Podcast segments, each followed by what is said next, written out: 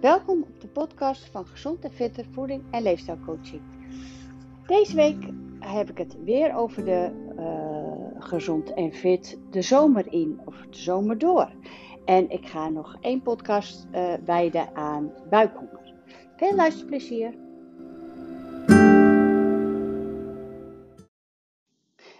Vorige week heb ik het al gehad over buikhonger. En ik heb jullie een oefening gegeven en uitgelegd uh, waarom het goed is voor de, om met buikhonger, om pas met buikhonger te gaan eten. Dus ik ben benieuwd uh, of jullie dat allemaal getest hebben en wat er uitgekomen is, wat jullie bevindingen zijn. Ja, je kan het vooral laten weten, helemaal leuk. Vandaag wil ik uh, nog even uitleggen, nog ga ik er nog, nog ietsje verder op door over het buikhonger. Um, er zijn natuurlijk heel veel redenen om te gaan eten en drinken. Je eetlust wordt beïnvloed door een ja, diversiteit van interne en externe factoren. Dus dat is emoties, dat is dingen die je ziet, dat is uh, verveling, um, onrust, stress. Dat zijn allemaal redenen tot eten. Uh, drukte, dat jij uh, vergeet te eten, dat is ook een hele belangrijke. Um, dat je geen regelmaat hebt, dat je geen patroon in je, eet, uh, in je eetbehoeftes hebt. Maar vooral daarom is het zo mooi om het nu tijdens je vakantie te gaan trainen of te gaan bekijken trainen is een beetje, maar in ieder geval, je hebt nu misschien meer de rust om te gaan ervaren, hey, wat doet mijn lijf na twee uur niet eten of na drie uur? Of wat gebeurt er met mijn hoofd of met mijn lijf? Um, dus uh, patronen, wat ik net vertelde, van die emoties en dat soort dingen, wil je op een gegeven moment proberen te doorbreken. Omdat je je bloedsuiker wilt verlagen. Want iedere keer als je eet, krijg je dus insuline. Die moet daarna weer uh, ander hormoon nodig om de insuline te laten zakken. Dan heb je weer um, trek en zo gaat het door. En dat, je wordt heel onrustig van die insuline. Ook daar heb ik een podca podcast over gemaakt. dus um, ja, doordat je de bloedsuiker wilt verlagen, dan word je weer fit. Je gaat naar een kleinere broekmaat of rokjemaat. uh, je wil het doorbreken van hardnekkige patronen. Je wil je weer gewoontes hebben hè, die al eeuwenlang bestaan. Die wil je veranderen. Dus het maakt het wel moeilijk. Maar wanneer je die eetlust niet onder controle krijgt, blijf je gevangen in die bepaalde patronen. Dus het, door dat te ontbreken en de echte honger weer te gaan ervaren, en vooral te voelen, dus dat signaaltje weer uh, goed te herkennen van je hersenen, dat is belangrijk. Dus ga ik daar even wat langer op in. Um, in onze westerse wereld is, het, uh, is er continu en heel veel overschot aan eten en drinken beschikbaar. Vroeger moest je jagen. Uh, vroeger had je natuurlijk geen dikke mensen. Je had wel mensen die honger hadden of voedingsstoffen tekort hadden, vitamine C of iets. Maar uh, en waarom was dat? Ze hadden, stonden op, ze hadden op een gegeven moment honger. Dan gingen ze jagen of iets maken. Je had geen prikkels waardoor je dus meer ging eten. Eh, misschien hadden ze toen wel stress, dat weet ik niet, stress dat je geen eten vindt, maar niet de soort stress die wij kennen. Nou goed. Ehm, in mijn praktijk leer ik je dat veel signalen niks met honger te maken hebben. Echte honger komt niet veel voor in onze maatschappij. Er zijn zelfs mensen die uit voorzorg eten, terwijl ze nog geen honger hebben. die zijn bang om te laat te zullen zijn als de honger echt komt. Die willen de trillerigheid en duizigheid uh, voorkomen omdat ze bang zijn. Ja, bang voor wat? Hè? je kan niet verhongeren. Je kan niet flauw vallen, dus gaan ze maar wat eten. Wat ik me wel voor kan stellen, want dit advies heb ik wel zoveel jaar teruggegeven, dat je de echte hongerklap voorblijft om dan een tussendoortje te gaan eten. En om die suikerspiegel uh, gelijkmatig te verdelen. Dus dan nam je een ontbijt, tussendoortje, lunch, tussendoortje. Dat, dat is een, een methode, dat kan hè. Dus als jij ontbeten hebt spring misschien een beetje van hak op de tak, maar goed. Uh, als jij ontbeten hebt en jij uh, hebt bijvoorbeeld om één uur lunchpauze van je werk. En je hebt tussendoor toch, krijg je echt een echt hongergevoel. En je kan nog niet lunchen, dan kan je wel een tussendoortje nemen. maar dit verhaal, wat ik dus nu ga vertellen, uh, is een test om te kijken van oké, maar ga eens dat tussendoortje niet nemen. Kijk wat er gebeurt tot die lunch. Dan ga je wel je lichaam uh, laten aanspreken op vetverbranding. Want hij moet wel verder verteren om energie te geven. Want je hebt verder niks meer in je buik vanaf dat ontbijt. Dus om dat even te ervaren, om dat weer terug te krijgen, die goede honger trekt een hongergevoel, is dit een goede oefening.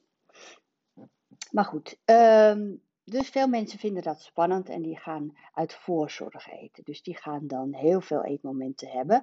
Sommigen zeggen wel eens ieder uur eten. Um, dit onnatuurlijke patroon van continu en uit voorzorg eten wordt heel gevoed door de ja, het, eh, dat je je uh, theorieën dat je de motor draaiende moet houden en minimaal zes keer per dag moet eten. Nou, dat had ik dus, nogmaals, zei ik dat vroeger ook in mijn adviezen, maar daar ben ik een beetje op teruggekomen. Tenzij je dit echt heel erg prettig vindt en jouw lijf daar goed op uh, werkt. Hè? Want dat is persoonlijk. Dus als jouw lijf daar goed op werkt en jij komt niet aan, ga dan vooral zo door. Um, maar uiteindelijk is het wel de belangrijkste reden dat we vaak verkeerde tussendoortjes nemen. En vaak door die tussendoortjes nog meer behoefte hebben om nog meer te eten. Dus als dat het geval is, ga dan um, de oefening doen die ik zo vertel. dus de belangrijkste reden dat mensen vaak te zwaar zijn, is dat we te vaak eten. Je lijf is heel veel slimmer en sterker als dat je wil geloven. Dus geef ruimte aan die echte honger. Ervaar weer hoe het is om een lege maag te hebben. En dat je daar prima op kan functioneren. Uh, als het moet, kan je lijf 60 dagen zonder eten, mits het voldoende vocht en vitamine tot zijn beschikking heeft. Dus die vier uur zonder eten tussen ontbijt en lunch kan je zeker doorstaan. Dat moet lukken. En wanneer je dagelijks echte lichaamshonger hebt en een lege maag dat ervaart, bied je je lijf de kans om ook andere voorraden aan te spreken als brandstofbron. En hierdoor benut je alle lichaamsprocessen optimaal. Dus de brandstofvoorraden waar ik op doel zijn die van glycogeen en vet. Dus koolhydraatvoorraden, dat wordt door je lichaam een glycogeenvoorraad. En vet. De voorraad waar de meeste mensen graag beweging in zien, is een vetvoorraad. De meeste mensen komen echter nooit of amper toe aan die vetverbranding, omdat ze continu, hè, bijvoorbeeld elke twee of drie uur of nog vaker, iets aan het eten zijn. Dus je lijf is dan insuline aan het verbranden in plaats van vet. Dus ons lijf kiest voortdurend uit meerdere brandstoffen tegelijk. We verbranden suiker als vet. Ons lichaam kiest echter als eerste voor het branden van suiker omdat dit snelle energie geeft en de minste zuurstof uh, vergt voor verbranding. Dus het is voor het lichaam het makkelijkst. En de vetverbranding is bij veel mensen helaas te verwaarlozen. Dus hier wil ik niet mee zeggen dat je geen koolhydraten moet eten, maar juist uh, wat ik nu vertel, dus die pauzes groter maken. Als je je lijf aanleert om ook vetten te verbranden, zal de afbraak van vetweefsel makkelijker verlopen. Een lijf dat verwend wordt hè, door te vaak eten, wordt lui en gaat alleen voor de snelle verbranding van suiker kiezen. Deze directe voorraad suiker is echter alleen een kleine voorraad. Dus daarom moeten mensen, als je lijf afgestemd is op die suikerverbranding, vaak eten. Ze merken dat ze elke twee uur honger hebben. En dat is dus niet goed. Ze constant weer aanvullen. Um, voorraad van brandstof in ons lijf heb ik een heel mooi schemaatje voor. de de ehm, hoeveelheid aan brandstof in je bloed is 60 gram van, van uh, vet. Dat zit in je bloed. En de verbruiksduur is 120 minuten. Nee, ja, dat is, sorry, ik zeg het verkeerd. De brandstoftype is glucose. En de verbruiksduur is 120 minuten en dat zit in je bloed. Glycogeen, dat is hetzelfde, dat is ook die koolhydraten, die, dat duurt 16 uur dat het uit je systeem is. Dat zit in je lever en in je spieren. En die vet duurt 60 dagen. Dus je kan heel lang op je vetverbranding doorgaan. Vandaar dat je zo lang zonder eten kan. Dat zit in je vetweefsel. Dus, en dat is wel 21 gram. Dus je kunt je lijf opnieuw trainen om na die twee uur over te schakelen op die energievoorraden, die van vet en glycogeen. Dus dat betekent dat je het eten niet moet uitstellen. Het betekent dat je eten moet uitstellen. En zo ga je ook leren naar luisteren naar het hongergevoel. Dus als je tussendoor denkt, hé, hey, ik wil een koekje, dat na een uurtje kan dat geen honger zijn, want je hebt net gegeten. Na twee uur eigenlijk ook niet. Na vier uur, ja, dan zou het kunnen. Maar dan ga je weer gezonde keuze, gezonde maaltijd nemen. En, oké, okay, daar kom ik zo terug. um, dus in het begin zal het heel erg lastig zijn. Je lijf moet omschakelen van de luie, makkelijke suikerverbranding naar de actieve vetverbranding. En meestal heb je de eerste paar dagen hoofdpijn, duizeligheid, trillerigheid. En na vier of vijf dagen gaan die klachten over. Dus geef hier even de tijd voor. En juist in je vakantie is dat dus wel fijn, want dan doe je waarschijnlijk minder.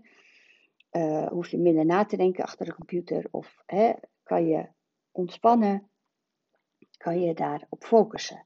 En de winst is groot. Je vetverbranding wordt gestimuleerd, echt waar. Een bijkomend voorbeeld van minder vaak eten is een dalende insulinespiegel in je bloed. Ofwel een lage aanmaak van insuline. En ook dit bevordert de vetverbranding. Want wat ik net vertelde, hè, je lijf hoeft niet aldoor insuline te verwerken. Uh, overigens is dit ook een hele goede toepassing die ik gebruik voor mensen die uh, in de overgang zijn, voor dames in de overgang, menopauze. Uh, hoe meer insuline is ook weer een hormoon. Je lijf moet al zoveel hormonen uh, handelen. Dus hoe minder insuline, hoe beter. Hoe minder stress van eten, hoe beter. Ehm, geeft minder klachten in de overgang. Dus ga even hiermee aan de gang. En let op, ga dan niet een heel klein ontbijt nemen, twee crackertjes of één crackertje. Ja, dan uh, heb je na twee uur al gigahonger. Maak die ontbijten wat groter. Maak iets wat je lekker vindt. En ook al is dat veel, nou, hup, lekker opknabbelen. Zuivel met fruit en havermout en, en lijnzaad en lekker gewoon grote bak kwark. En dan, dan kan je daar echt vier uur mee doen. En ook crackers, maar boterhammen. Weet je, ga lekker twee boterhammen maken. Maar lekker met avocado en tomaat. Of een lekker met een omelet of een uitsmijter. Met rauwkost erbij. En wat salade. Gewoon als lunch salade. Eet zodat je lang vol bent. Dus ga niet één, uh, twee crackers als lunch, nogmaals, of een heel klein, oh ik doe één broodje, of ik doe twee broodjes alleen met uh, smeerkaas. Ja, dan heb je nou, misschien na anderhalf uur al wel weer trek. Dus, dus dat is wel belangrijk. Kijk ook wat je allemaal eet. En s'avonds een goede, gebalanceerde avondmaaltijd. Want dan moet je de hele avond mee doen. Of moet niet. Dat ga je proberen. nou, zet hem op. Uh, ik ben benieuwd wat jullie bevindingen ervan zijn. Mocht u vragen hebben of uh, dat er dingen uit zijn gekomen en je wil daar nog wat over weten, je kan mij altijd mailen. Um, info.gezonderenfitter.nl uh, Je kan ook een uh, nieuwsbrief krijgen, dus dan kan je je aanmelden bij de uh, Mailchimp. Um, en natuurlijk, kijk even op mijn website, kijk onder de vergoedingen. Als je na je vakantie hulp nodig hebt, vaak wordt het vergoed door de verzekering. www.gezondenfitter.nl Nou, fijne dag en voor degenen die vakantie hebben, fijne vakantie!